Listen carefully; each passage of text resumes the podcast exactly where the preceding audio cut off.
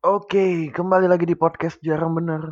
Masih bersama saya petani wortel yang akan menemani kalian di segmen Racau minggu ini.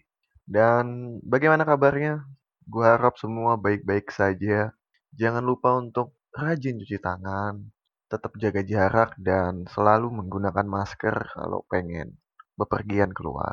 Ya minimal kalau eh, lu nggak bisa ngejaga diri, jangan nularin orang lain lah. Itu aja sih simpelnya. Kalau mau ketularan ya udah sendiri aja, nggak usah dibagi-bagi juga.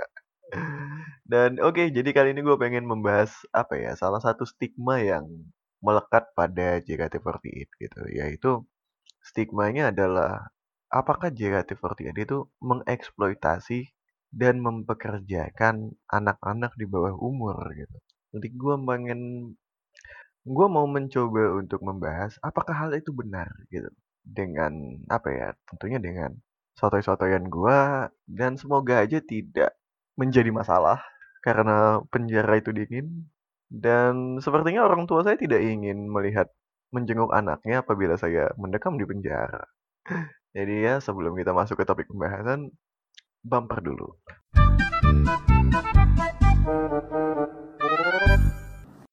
Uh, selalu ada orang-orang awam yang mungkin baru melihat JKT48 sekilas, uh, entah di media sosial atau di acara TV, mereka uh, uh, terbayang bahwa anak-anak cewek masih muda dan menari-nari, lalu dibayar.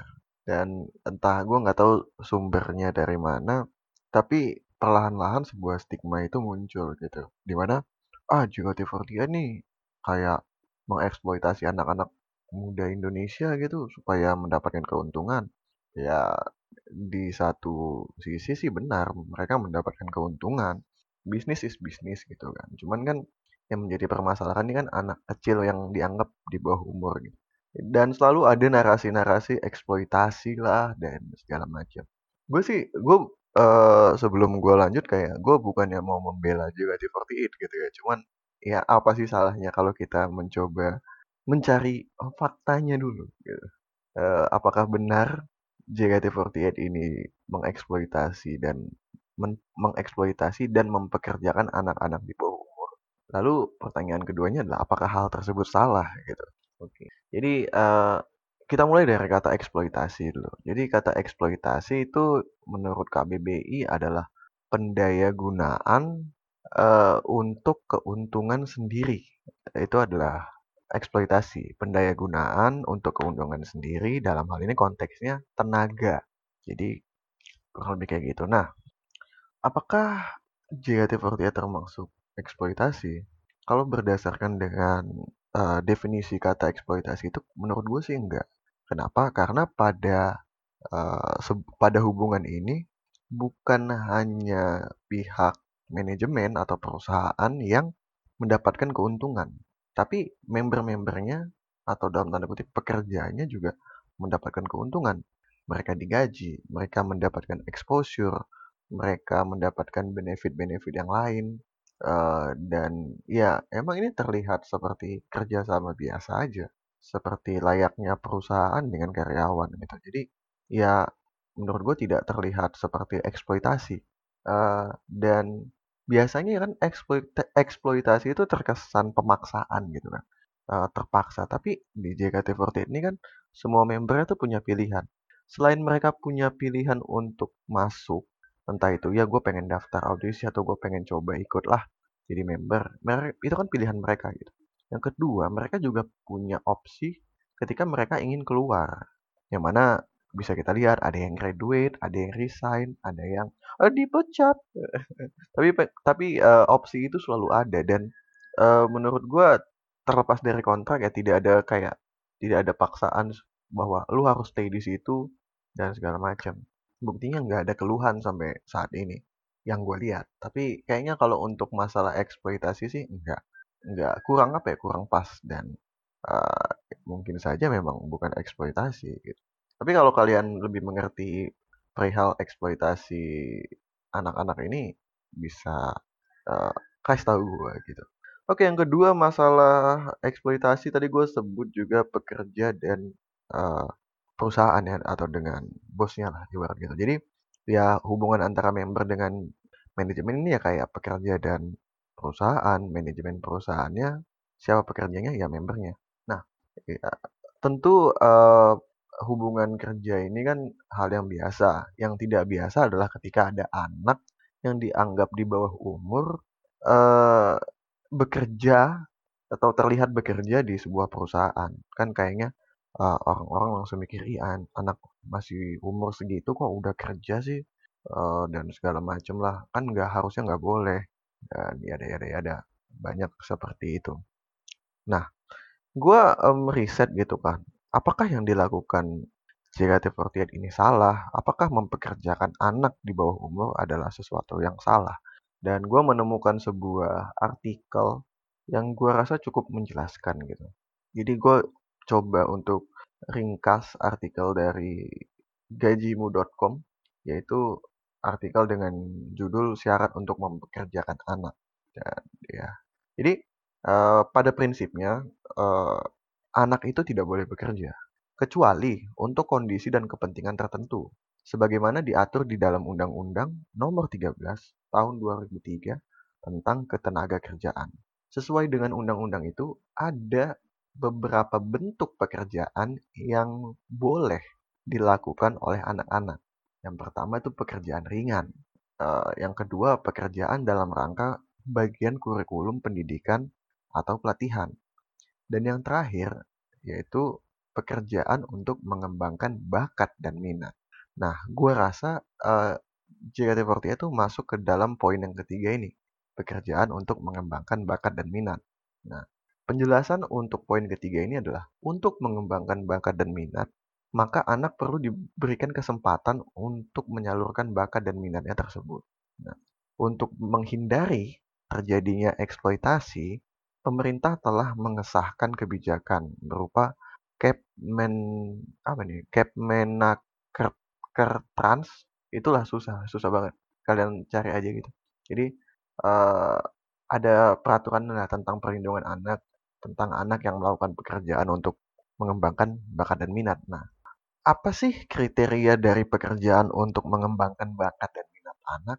Nah, dalam uh, peraturan tadi, dalam Cap Capmenaker Trans nomor 115 tahun 2004 dijelaskan bahwa pekerjaan untuk mengembangkan bakat dan minat harus memenuhi kriteria sebagai berikut. Yang pertama, pekerjaan tersebut bisa dikerjakan oleh anak sejak usia dini.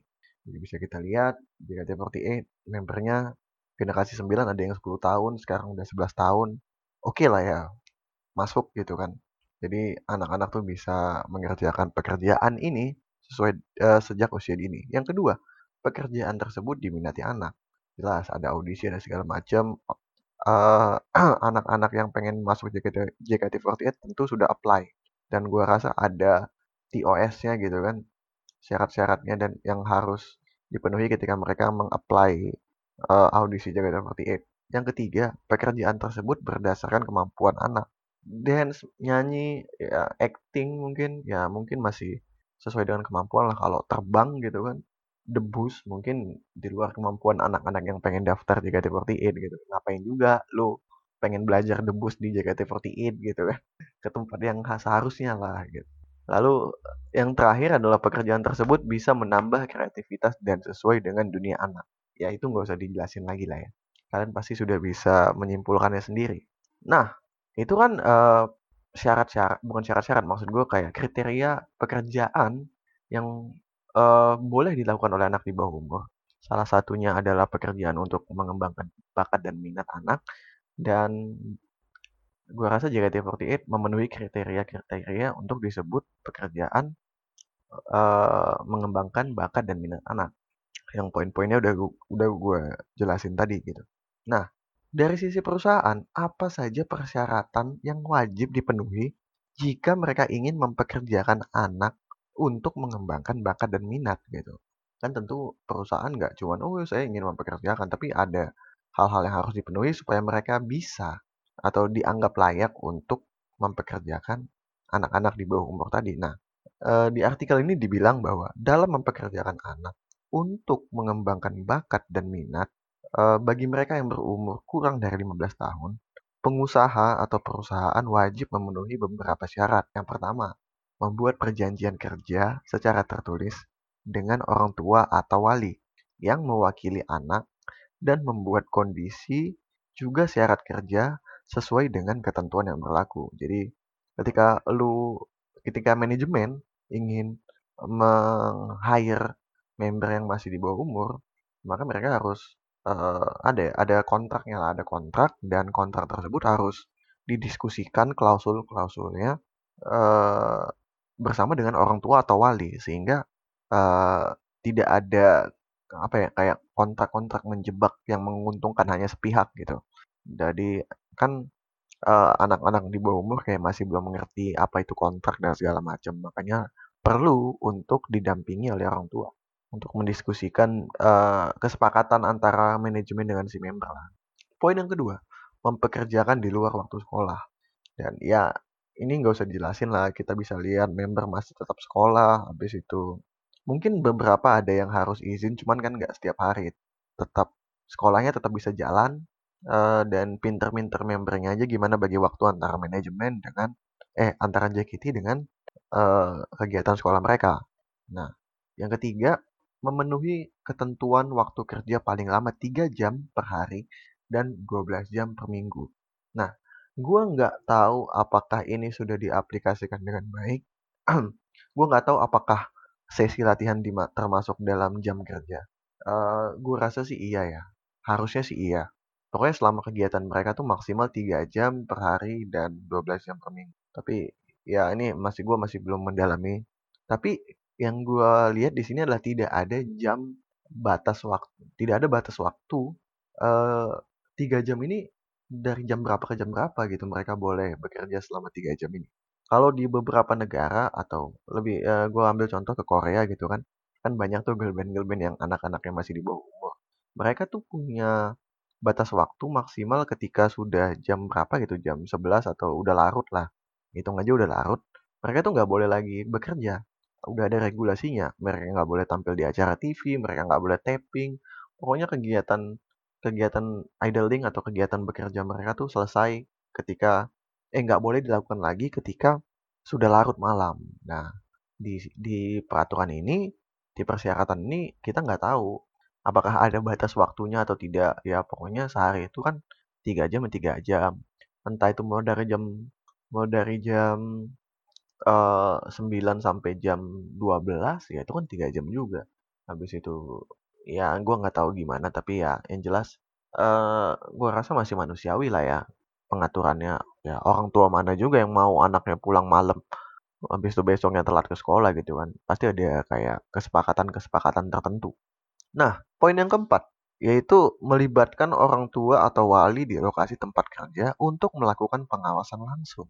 Dan gue rasa uh, ini sudah cukup apa ya, cukup jelas dan cukup terbukti.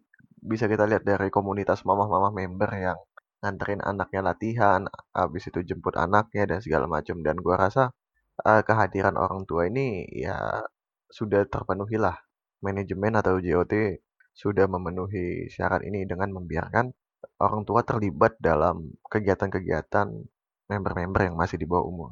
Uh, poin selanjutnya adalah menyediakan tempat dan lingkungan kerja yang bebas dari peredaran dan penggunaan narkotika, eh, lalu perjudian, minuman keras, prostitusi, pokoknya hal-hal yang memberikan pengaruh buruk terhadap perkembangan fisik, mental, dan sosial si anak. Gue nggak tahu ini apakah sudah uh, terpenuhi, tapi gue rasa kalau udah 9 tahun jalan kayak sekarang bukan lagi jadi masalah ya. Dan harusnya sih udah terpenuhi. Meskipun yang nggak tahu ngebuktiinnya gimana. Poin selanjutnya, menyediakan fasilitas tempat istirahat selama waktu tunggu. Oke. Okay. Dan selanjutnya, melaksanakan syarat-syarat keselamatan dan kesehatan kerja. Jadi itu adalah persyaratan yang harus dipenuhi manajemen atau JOT untuk meng-hire member-member yang usianya kurang dari 15 tahun. Dan ya makanya ketika ada yang bilang, wah ini 13 tahun dan segala macam, ya memang mereka bekerja, memang mereka dipekerjakan oleh manajemen, cuman ada syarat-syarat dan peraturan tertentu dan gua rasa kenapa hal itu tidak menjadi masalah sampai sekarang karena ya manajemen udah memenuhi syarat-syarat itu gitu. Uh, jadi gue rasa uh, agak apa ya, agak sulit lagi untuk uh, menyerang JKT48 dari segi uh, mempekerjakan anak apa mempekerjakan anak di bawah umur, mengeksploitasi dan ya gue rasa itu sudah terjawab lah kenapa mereka bisa bertahan selama 9 tahun tanpa terkena masalah-masalah terkait dengan eksploitasi dan pekerja anak di bawah umur gitu. Dan ya dan lagi pula uh, semenjak kasus yang apa ya narasi eksploitasi dan pekerja anak di bawah umur ini kan paling kencang kedengaran ketika waktu itu ada Gen 9 ya dia perkenalkan di sebuah event dan salah satu membernya diketahui umurnya masih 10 tahun gitu. Dan tentu aja ini kan menjadi geger banyak tuh narasi-narasi atau isu-isu bukan isu tapi opini-opini yang menggiring bahwa wah ini eksploitasi anak nih itu kan anak masih kecil banget kenapa udah dipekerjakan nah gue rasa apa yang gue jabarkan tadi berdasarkan artikel di gajimu.com ini sudah bisa menjawab kenapa meskipun usianya 10 tahun, 13 tahun, 12 tahun itu uh, eh, JOT tetap mau meng-hire mereka. Dan ya mungkin yang sa yang satu lagi yang jadi kontroversi adalah ketika uh, gue nggak tahu uh, waktu audisi Gen 9 aturannya kayak gini atau enggak, tapi di audisi Gen 10 gue lihat minimal usia untuk mendaftar audisi, untuk ikut audisi jadi Akademi JKT48 adalah 13 tahun gitu. Dan kenapa tiba-tiba ada anak 10 tahun yang bisa masuk? Mungkin ini juga salah satu jadi apa ya salah satu faktor yang men-trigger orang-orang gitu loh. Kan e, minimal 13 tahun kenapa anak 10 tahun bisa ikut gitu? Iya tapi nggak tahu. Tapi e, apa ya ini masalahnya panjang lagi sih kalau 10 permasalahan 10 tahun ini. Baru-baru ini ada yang ngeposting bahwa ini member JKT48 masih 11 tahun udah main Twitter udah punya akun Twitter verified lagi kan. Tapi uh, uh, dari Twitternya sendiri minimal untuk membuat umur eh minimal um, minimal umur untuk membuat akun itu cuma 13 tahun gitu. Kenapa ini anak bisa punya? Ya gue rasa itu nggak usah dijelasin lah. I, come on man. Umur bisa dimanipulasi, email bisa dibuat, apa pun bisa dilakukan untuk mendapatkan akun sosial media. Dan gue rasa kalau udah verified berarti kan pihak Twitternya melakukan screening gitu kan. Tujuannya apa dan segala macam. Apakah anak di bawah umur ini dalam pengawasan orang dalam menggunakan sosial media tapi ya gue rasa udah ada kompromi sana sini lah sehingga member ini bisa di uh, diperbolehkan untuk memiliki akun Twitter meskipun umurnya masih belum cukup. Tapi di luar dari apa ya di luar dari jalan yang benarnya gitu kan ya ayo come on lah anak-anak kecil sekarang aja udah main TikTok udah main Instagram papa mama dan segala macam ya ya, ya itu udah bukan sesuatu hal yang menurut gue harus di misuh-misuhin gitu. Dan ya jadi ya udahlah gitu. Dan oke okay, menurut gue juga jika JKT48 sendiri kan sudah mulai membrand apa ya uh, mungkin sudah mulai membranding mereka uh, untuk dikenal lebih ramah terhadap anak kecil ya. Dan gue rasa mungkin uh, pihak dari JKT48 udah udah memikirkan bahwa wah kayaknya kita harus sedikit merubah stigma-stigma tentang mempekerjakan anak di bawah umur. Ini pre, ini apa ya prediksi gue aja ya atau sotoy-sotoyan gue. Makanya mereka menciptakan akademi gitu kan. Jadi uh, kesannya tuh mereka datang ke situ nggak untuk kerja tapi untuk belajar. Meskipun ya tentu aja tetap ada kontrak, tetap ada uh, gaji mungkin ya, tetap ada bayaran dan segala macam. Cuman bedanya ini mereka mengusung konsep akademi. Jadi kelihatan kayak oh ini anak lagi belajar ini anak lagi bimbel gitu. Supaya brandingannya lebih enak gitu. Daripada uh, sekedar trainee biasa. Yang mana menurut gue ya nggak ada lagi apa ya nggak ada lagi alasan yang masuk akal kenapa diciptakannya akademi ini selain untuk itu gimmick yang diciptakan untuk brandingannya aja. Karena seandainya kita ubah pun uh, menjadi seandainya tidak ada JKT Academy pun waktu mereka masih trainee ya bisa aja dibuat trainee ada show-nya, trainee ada event-nya, trainee ada pelatihannya dan segala macam. Toh sama-sama belajar, cuman sebutannya aja yang beda. Mungkin memang uh, trainee terdengarnya agak agak kurang catchy ya dan kesannya kalau dengar trainee itu kayak pemain cadangan aja. Jadi nggak enak gitu dan ya uh, gue juga baru baru ini buka websitenya JKT48 Academy di mana kelas A dan kelas B-nya eh kelas B-nya masih kosong, kelas A-nya juga udah ada beberapa. Uh, harusnya sih ada apa ya? Gue nggak tahu uh, tolak ukur keberhasilan konsep akademi ini dari mana. Apakah dari voting fans, apakah dari pencapaian membernya ketika mereka masuk tim? Karena ya indikatornya apa gitu bahwa member ini pantas untuk masuk tim, pantas untuk apa? Penilaiannya dari mana? Kan kalau sekolah atau bimbel atau tempat kursus tuh ada kurikulumnya gitu dan ada penilaiannya. Apakah uh, kita bisa melihat rapor dari member-member ini jadi menentukan pantas atau tidaknya gitu. Ya gue nggak tahu, gue masih nggak ngerti tentang konsep akademi ini, tapi ya semoga aja bagus lah ya. Karena emang JKT48 ini kebiasaan untuk menciptakan gimmick-gimmick yang menurut gue harusnya sih nggak usah ada dan nggak apa-apa gitu. Dananya mungkin dipakai untuk memaksimalkan yang hal lain gitu. Hal yang lain gitu. Ya, gue ngeliatnya kayak JKT48 ini cuma sebagai wadah untuk nampung-nampungin alumni yang nggak punya kerjaan gitu. jadi ada yang grade lu mau jadi pengajar nggak di akademi JKT48 gitu. Ya gue hire lu deh sebagai senior gitu. Oh, ya ya ya gue nggak tahu sih tapi ya semoga aja yang baik lah ya. Oke jadi kayaknya itu aja sih ya untuk episode kali ini. Semoga aja apa yang gue bilang ini bisa didengarkan dengan baik dan tidak menjadi masalah ya. Kalaupun misalnya ada hal-hal yang tidak berkenan bisa langsung aja mention ke gue kritik kirim caci maki ke podcast JRGBNR atau email kita di podcastjarangbener@gmail.com. Jangan lupa follow akun Twitter kita. Kalau kalian pengen gabung di Discord, linknya ada di pin tweet akun podcast JRGBNR. Jadi itu aja untuk episode Racau kali ini. Terima kasih sudah mau mendengarkan. Sampai ketemu di episode selanjutnya. Seperti biasa, tanam wortel, tanam, tanam, tanam. Bye.